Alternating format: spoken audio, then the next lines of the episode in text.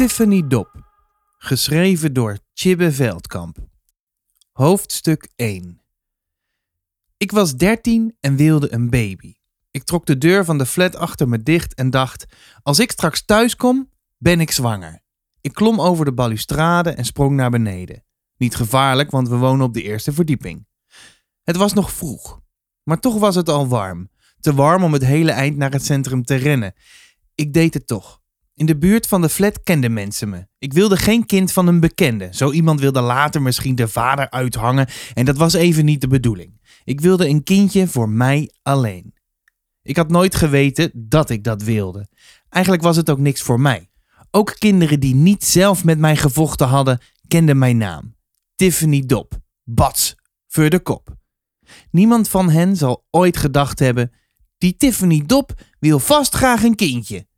Maar dat wilde ik dus wel. Ik had het net die ochtend bedacht. Nu denk je misschien: Tiffany Dop, zou je daar niet een nachtje over slapen? Nou nee, een baby zou helemaal geweldig zijn. Beter dan geld of mooie spullen of goede cijfers. Al die dingen kwamen niet eens in de buurt. Ik wist het helemaal zeker. Waarom zou ik dan wachten? Toen ik bij de grote markt was, ging ik op een bankje van een bushalte zitten om uit te hijgen. Mannen fietsten langs. Ik vond mijn babyplan helemaal geniaal, maar er was één minpuntje. De seks. Daar had ik weinig zin in. Ik had het nog nooit gedaan. Ik had zelfs nog nooit echt gezoend, maar zonder seks werd je niet zwanger. Voor zover wist ik, dus het moest maar even. Meer mannen fietsten langs. Nette mannen, in schone shirts met korte mouwen. Sommigen met koffertjes op hun bagagedrager, anderen met leren tassen aan het stuur. Allemaal hadden ze haast. Thuis had ik porno gekeken. Leerzaam hoor. Wist jij bijvoorbeeld dat seks soms vreselijk lang duurt? De vraag was of deze mannen daar wel tijd voor hadden. Ze gingen vast naar hun werk. Zouden ze het erg vinden om te laten komen? Een wagentje van de gemeentereiniging reed met veel lawaai achter me langs. Een man in een oranje pak liep ernaast. Hij had geen haast. Hij sleepte een bezem achter zich aan. Toen hij voorbij was, stond ik op en volgde hem. Hij had iets van een filmster of een popster. Hij was groot en sterk en had van dat gebleekte haar. Ik keerde om en liep terug naar mijn bank. Ik wilde geen sterke man. Als het op vechten uitliep, moest ik wel een kans hebben. Niet dat ik wilde vechten, maar het was wel iets om rekening mee te houden. Ik zocht dus een slappe man zonder haast. En het zou ook fijn zijn als hij een beetje schoon was. En als ik nou moest kiezen, had ik dan liever een vieze slappe of een sterke schone. Ik zou wel zien. Ik zat op mijn bank in de bushalte en keek en keek. Maar een geschikte kandidaat zag ik niet. Misschien moest ik naar het Noorderplantsoen. Bij de vijver met de twee fonteinen zaten veel zwervers in het gras.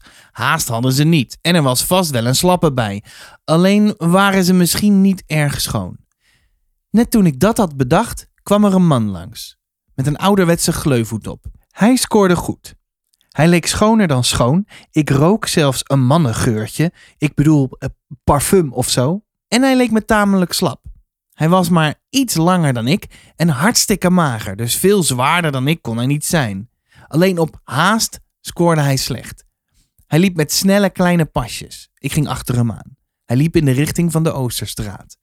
Ik volgde op een paar meter afstand. Zou ik hem aanspreken? Of zou ik wachten om te zien waar hij naartoe ging? De man sloeg linksaf, de Poelenstraat in. Halverwege bleef hij staan. Voor een café, zo te zien, met dichte gordijnen. Ik bleef ook staan. Sleutels rinkelden. De man maakte één, twee sloten open en stapte naar binnen. Voor hij de deur achter zich dicht kon trekken, was ik langzaam naar binnen geglipt. Ik stond in een donkere kroeg. Links tafels met stoelen die er omgekeerd op stonden, rechts een bar. De man zette zijn handen in zijn zij. Ik geloof dat hij iets wilde zeggen, maar ik trok mijn nep uit en dat hield hem stil. Iets waar ik goed op gelet had toen ik porno keek was: hoe begin je met seks? Dat was verrassend simpel. Het ging zo. Iemand kwam een kamer binnen, of een lift, of wat dan ook. Daar was dan iemand anders en dan begonnen ze gewoon. Je hoefde niks te zeggen en je kon kiezen uit zoenen of meteen uitkleden. Ik koos dus voor het laatste. Met uitkleden had ik meer ervaring. Ik trok mijn spijkerbroek uit en stapte uit mijn onderbroek. Mijn t-shirt hield ik nog even aan. De boodschap kwam zo ook wel over. En wat is hiervan de bedoeling, als ik vragen mag? zei de man. Nee hè, dacht ik, kan ik alles een beetje uit gaan leggen. Ik wees naar zijn broek, een keurige zwarte met een vouw, en gebaarde dat hij hem naar beneden moest doen. En toen schrok ik me hartstikke dood, want naast me bewoog iets. Het was een hondje. Alleen maar een hondje met hangoren dat zich uitrekte. Hij stapte met stijve poten uit zijn mand en kwam naar me toe. Zijn oren sleepten over de grond. Hij snuffelde aan mijn knieën en toen aan mijn kruis. Freddy Benny, zei de man met de hoge hoed streng. In je mandje. Freddy Benny negeerde hem. Ik probeerde hem terug te duwen naar zijn mand, maar hij ontweek mijn handen. Want het was echt mijn kruis waar hij aan wilde snuffelen. Ik draaide hem mijn billen toe. Dat vond hij leuk. Hij begon om me heen te springen en te blaffen. Zo draaiden we samen een paar rondjes. Hou op, alsjeblieft! De man met de hoed probeerde de hond te pakken. Maar die liet zich niet vangen. Freddy Benny mag zich niet opwinden. Ik snapte niet waarom niet. En eigenlijk had ik er wel lol in. Maar goed, ik was hier tenslotte niet gekomen om rond te springen. Na een paar rondjes ging ik op mijn knieën zitten. Freddy Benny ging voor me liggen en liet zich over zijn buik aaien. Hij is al twaalf en een half hoor, zei de man.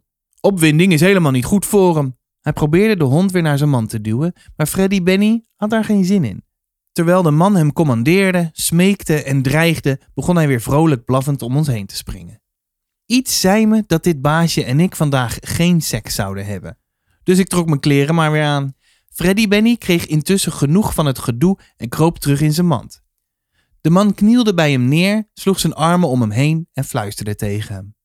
Dat was gezellig, zei ik. Tot de volgende keer maar weer. Wacht even, zei hij, terwijl hij overeind kwam. Ik geloof dat hij opgelucht was dat ik mijn kleren weer aan had.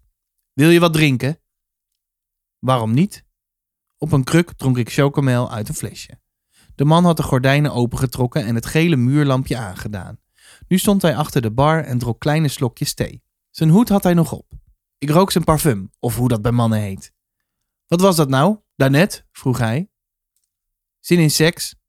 Dat ik een baby wilde, ging niemand iets aan. Hij trok zijn wenkbrauwen op, maar zei niks. Heeft u wel eens seks gehad? Meisje. Hij keek me ondeugend aan. Ik geloof dat hij bedoelde dat hij al onvoorstelbaar vaak seks had gehad. Mij hield hij niet voor de gek. Heeft u nog tips? Hoe je het kunt krijgen? Hoe oud ben je? Bijna veertien. Zoek iemand onder de 16. Niemand wil naar de gevangenis en trek alsjeblieft iets anders aan. Een jurkje, een rokje, een blouse. Hij maakte twee knoopjes van zijn witte overhemd los en leunde voorover op de bar, zodat ik in zijn overhemd kon kijken. Ik zag de botjes onder zijn vel. Zo mager was hij. Denk aan de drie B's, fluisterde hij. Welke B's? Borsten, billen, benen. Begrijp je? Be sexy. Is dat nodig? Natuurlijk niet, riep hij uit. Hij maakte zijn knoopjes weer vast. Het ene moment leek hij beledigd, maar het volgende moment keek hij weer ondeugend. Maar het helpt. Voor ik wegging, keken we nog even bij Freddy Benny. Hij sliep als een croissantje, met zijn staart bij zijn grote oren. Hij zag er lief uit. Maar ik had toch liever een baby. Ik zal vertellen hoe ik op het idee was gekomen. Hoofdstuk 2 De dag ervoor begon heel gewoon. Ik schrok wakker van een schreeuw, licht verblindde me, ik deed een hand voor mijn ogen. Door mijn gespreide vingers zag ik Shaila, mijn moeder. Ze stond in haar ochtendjas voor mijn bed, met een been in haar hand. Iemand lag op de grond, verstrikt in een laken. De roet! riep Shaila. Peukman! Ik stapte uit bed en pakte mijn spijkerbroek van de stoel. Ik sliep nog half, maar zelfs met één wakkere helft kon ik raden wat er aan de hand was. Gisteravond hadden Danny en Bruce, mijn broertjes, liggen kettingroken in bed. Dat waren vast niet hun eigen sigaretten geweest. Danny en Bruce begonnen te protesteren. Bruce van boven uit het stapelbed en Danny vanaf de grond. Het was zijn been dat Shaila vast had. Ik had Shaila's peuken gejat, riepen ze, en zij niet. Dus ik moest nieuwe gaan halen en kon ze nu laten slapen. Oude tekendoos die ze was. Gavot, zei Shaila. Ze was een soort talenwonder. Niemand kon gavot zoveel verschillende betekenissen meegeven als zij. Eigenlijk kon ze gavot bijna alles laten betekenen. De ene keer betekende het: Wilt u later misschien terugbellen? Nu schikt het niet zo goed. De andere keer betekende het: Twee grote friet en vier frikandellen met extra mayonaise. Dat laatste geloof je misschien niet, maar het is waar. Ik was erbij. De man van Snackplek vroeg wat ze wou hebben. Gavot, zei Shaila. En wat kreeg ze? Twee grote friet, vier frikandellen en extra mayonaise. Doe dat maar eens na. Hier betekende het gewoon weg jullie. Gavot is Gronings. Ga weg in het Nederlands. Als ze van Gronings overstapte op Nederlands, moest je oppassen. Danny probeerde zijn been los te trekken. Het was vaak niet goed te zeggen of mijn broertjes dapper waren of dom. Shaila is groter en sterker dan wij. Ze sleurde Danny aan zijn been de kamer uit. Onderweg kwam hij de drempel tegen. Ik had intussen een schoon t-shirt uit de kast gepakt, sokken uit mijn laadjes en mijn nepnikes van onder mijn bed. Het was tien voor zes. Had ik alles? Ook mijn sleutels? Ik stapte de gang op. Shaila had Danny de deur uitgewerkt. Ze trok de voordeur met een klap dicht en liep terug naar de slaapkamer om Bruce te halen. Danny belde aan, waarbij hij de bel ingedrukt hield. Shaila rende terug om Danny's vinger van de bel te slaan. Op de galerij begon ik me aan te kleden. Shaila en de jongens gingen door met schelden, bellen, duwen en trekken. Meneer Geitema, onze bejaarde buurman, deed het gordijn open om te zien wat er aan de hand was. Mevrouw Geitema trok het weer dicht. Dat ging vaker zo bij hen. Hij open, zij dicht. Net toen ik helemaal aangekleed was, lukte het Shaila om de deur dicht te slaan, terwijl Bruce en Danny allebei buiten waren. Danny zat op zijn billen en wreef over een zere hand, die waarmee hij gebeld had. Hij en Bruce droegen alleen de boxershort waarin ze sliepen.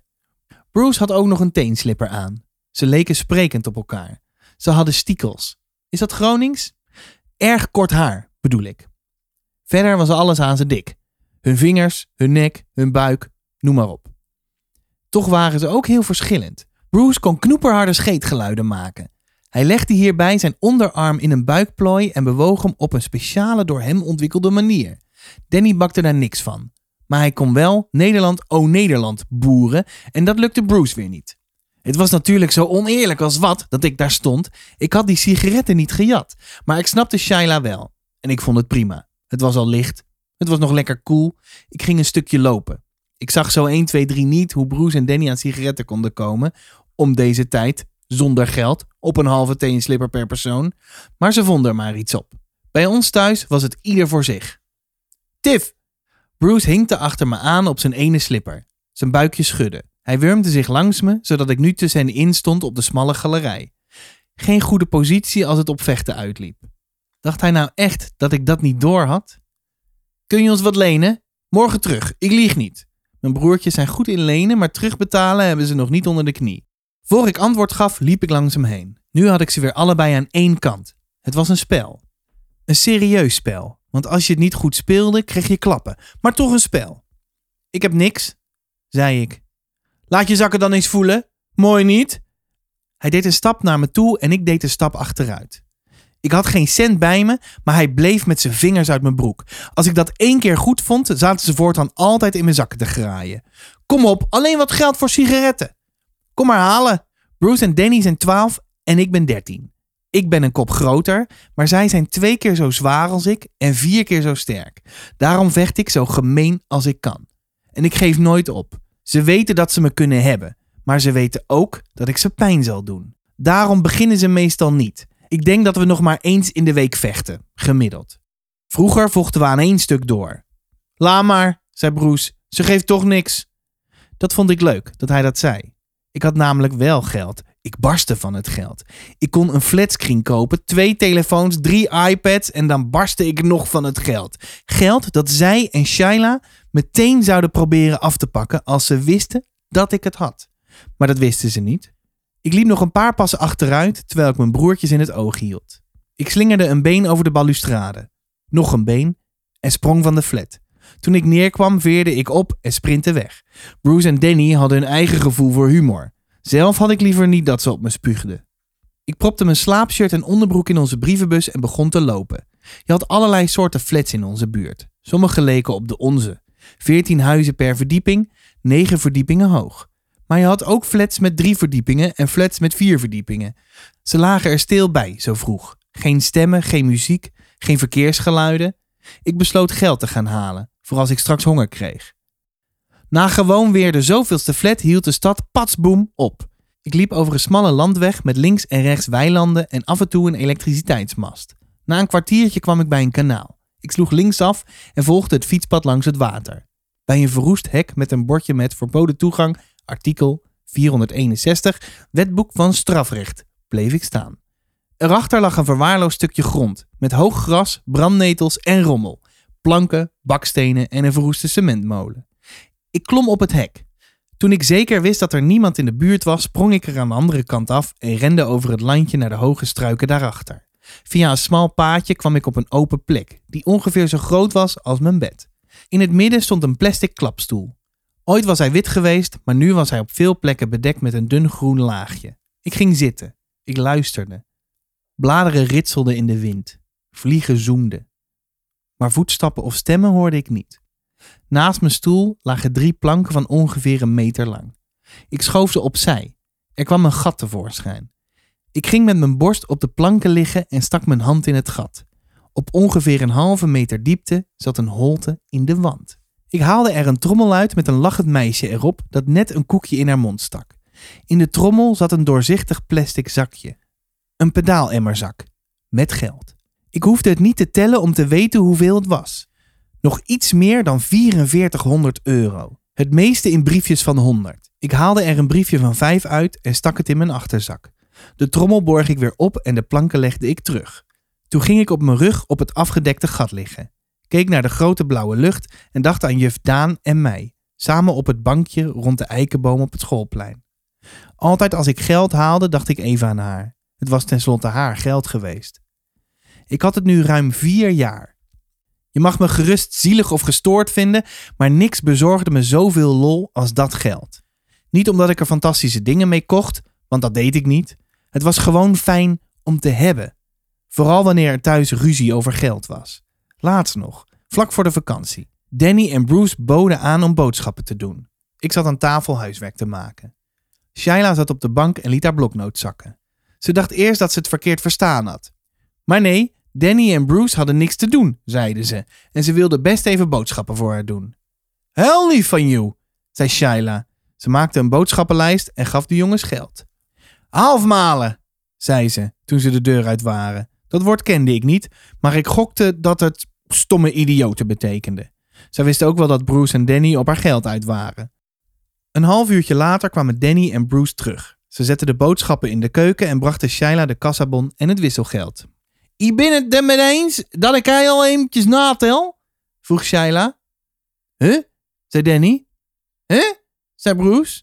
Ze doen soms of ze dat Gronings van haar niet verstaan. Shaila telde het wisselgeld. Het klopte. Wat me niet verbaasde, want Danny en Bruce waren wel dom, maar ook weer niet zo achterlijk dat ze gewoon te weinig geld teruggaven. Shaila haalde de boodschappen uit de keuken, stalde ze uit op het kleed in de woonkamer en checkte of alles wat op de bon stond er ook was. Dat klopte ook. De jongens begonnen hem te knijpen en vroegen of ze nou eindelijk weg mochten. Godsamme, hielpen ze een keer, was het weer niet goed. Ze moesten blijven. Shaila controleerde alles opnieuw. Het klopte weer. Zitten blijven, zei ze en ze begon opnieuw. Wat was nou de truc? Danny en Bruce hadden dure artikelen gekocht. Die hadden ze vervolgens geruild voor goedkopere. Die hadden ze aan Shaila gegeven met de bon voor de dure spullen. Het prijsverschil, 6,31 euro, hadden ze in hun zak gestoken. Tegen de tijd dat Shaila het door had, had ze een pesthumeur. Danny en Bruce moesten het bedrag tienvoudig terugbetalen en konden niet uitrekenen hoeveel dat was. Ik zat aan tafel, luisterde naar een ruzie om 6,31 euro. De klank daarvan beviel me enorm. 6,31 euro. Het was een toverspreuk die me blij toverde. Op zo'n moment was ik diep gelukkig met mijn geld. De kunst was om geheim te houden dat ik het had. Daar had ik regels voor. Thuis had ik nooit meer dan 1 euro op zak. Ik kocht alleen in winkels in andere wijken. Winkels waar Shaila, Danny en Bruce niet kwamen. Dingen die ik kocht, at ik meteen op. Iets anders dan eten kocht ik eigenlijk nooit. En ik vertelde niemand dat ik geld had. Dat was niet zo moeilijk. Aan wie had ik het moeten zeggen? Op school praatte ik wel met mensen. En het hele afgelopen jaar, de hele brugklas, had ik op school geen klap uitgedeeld. Serieus.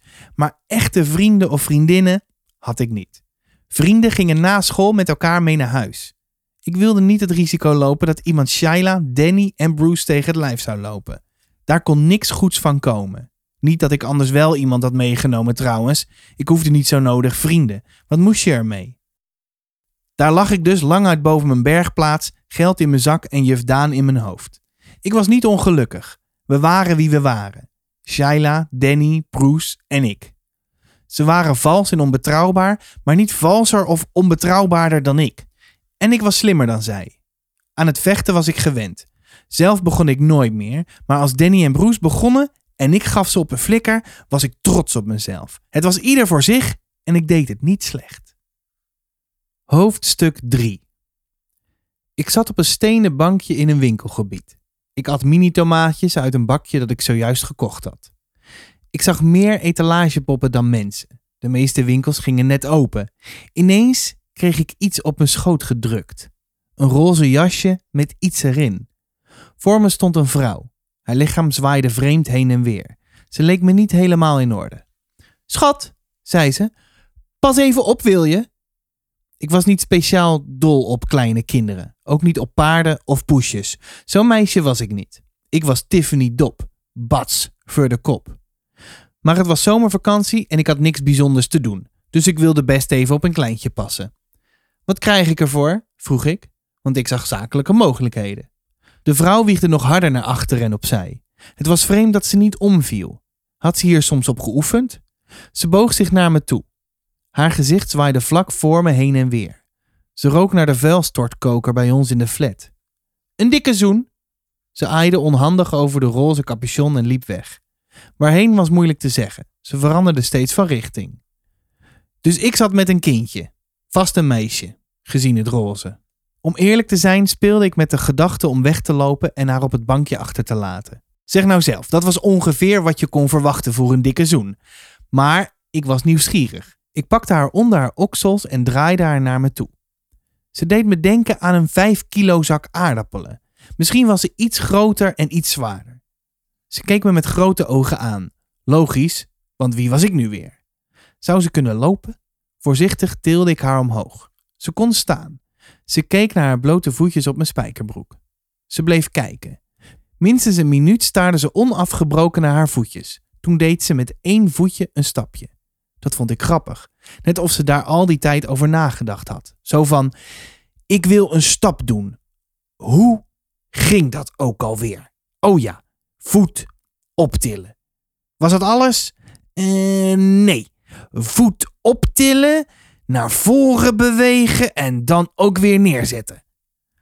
Alleen kende ze vast nog geen woorden. Hoe dacht je al die dingen zonder woorden? Ik had geen idee. Knap was het wel. Haar wangetjes waren rood. Had ze het soms warm? Vast, want het was al hartstikke warm en ze had een capuchon op. Voorzichtig deed ik hem af. Ze had dunne blonde haartjes. Als je goed keek, zag je haar hoofdje er doorheen. Ze deed nog een stap, nu met haar andere voetje. Voor de zekerheid hield ik mijn hand onder haar billetjes. Ik was bang dat ze anders door haar beentjes zakte. Met mijn hulp liep ze stap voor stap naar me toe. Ze ging tegen me aanstaan. Ze kon net over mijn schouder kijken. Ah, zei ze. Ze rook naar zeep met een vleugje vuilstortkoker. Dat wel. Ah, ah. Ze sloeg een armpje om mijn hals. Ik voelde me vreemd. Een beetje huilerig, maar op een prettige manier. Terwijl ik dus geen huilerig type ben. Ik aaide het meisje over haar wang. Wat was haar huid zacht. Ik aaide haar nog eens. Ineens snapte ik wat ik had. Ik voelde liefde. Misschien vind je dat niet zo vreemd. Misschien denk je, logisch, die kleintjes zijn ook zo schattig. Dat kan zijn, maar ik vond het idioot. Ik was Tiffany Dop, bats voor de kop. En Tiffany Dop hield niet van baby's. De ene helft van me dacht, wat een schatje, ik hou van haar. En de andere helft dacht, Tiff, kappen nou, doe normaal. zei het meisje. Ze keek omhoog. Ik volgde haar blik. Ze keek naar de groene bladeren van een boom. Ze stond tegen me aangeleund en keek naar bladeren waar de zon op scheen. Ze stond, keek en was blij. En ze vertrouwde me. Ze ging ervan uit dat ik haar niet zou laten vallen. Ze vertrouwde waarschijnlijk de hele wereld. Echt dom. Dat is een boom, zei ik zacht. zei ze. Mijn ogen werden nat. De ene helft van me riep: Ga je nou ook nog zitten janken, aansteller? Maar de andere helft van me trok zich daar niks van aan. En die helft was nu de baas en had ook wel iets anders aan zijn hoofd, want haar wangetjes waren nog steeds veel te rood. Ik voelde in haar hals wat ze allemaal aan had. Onder het roze jasje zat een t-shirt en daaronder ook nog een hemdje, drie laagjes. Dat was toch veel te warm? Het was nu al minstens 25 graden in de schaduw. Aardappelzakje, fluisterde ik. Ik maak je knoopjes los. Eén, twee, allemaal los. Nu kan je jasje uit. Eerst je ene arm, dan je andere arm. Beter zo? Ze legde een handje tegen mijn natte wang. Ik keek waar ze naar keek en vertelde haar wat ik dacht dat ze zag. Ik bestond niet langer uit twee helften. Ik was mezelf en het meisje op mijn schoot was het liefste dat ik ooit had gezien. Ik weet niet hoe lang we daar zaten. Tien minuten? Een kwartier? Toen piepte achter me alarmpoortjes. Blijf van me af! Ik draaide me om. Het was de moeder van het meisje. Twee bewakers probeerden haar vast te pakken. Ze sloeg hen van zich af. Toen ze haar toch vastgrepen, liet ze zich op de grond vallen. Ze werd evengoed de winkel ingesleurd. Ik stond op en begon te lopen, terwijl ik het meisje tegen me aandrukte. Ik wilde haar niet stelen. Ik had geen plan. Ik wou haar alleen nog iets langer vasthouden. Dit was een kans. Ik was aan het eind van het voetgangersgebied toen ik iemand hoorde roepen: hey, stop! Ik keek niet om, maar stak de straat over. Ik hoorde een auto remmen en toeteren, maar ik wist niet of het dichtbij was of ver. Blijf staan! Ik snel wandelde verder. Ik durfde niet te rennen, vanwege het meisje in mijn armen. Onder het lopen keek ik achterom. Shit, ik had een bewaker achter me aan. Hij stak ook de straat over. Zou ik toch rennen? Rennend was ik sneller dan hij, maar ik had het meisje in mijn arm. Hij zou me inhalen. Ik bleef staan en draaide me om. De bewaker kwam puffend op me af. Die is niet van jou, toch? hijgde hij. Geef hier. Hij probeerde het meisje van me over te nemen. Dat kon hij vergeten. Schiet op, wicht, zei hij. De moeder wordt hysterisch. Ik liep met hem mee terug. Ik hield het meisje stevig vast, haar hoofdje in mijn hals. De bewaker ging me voor, de winkel in.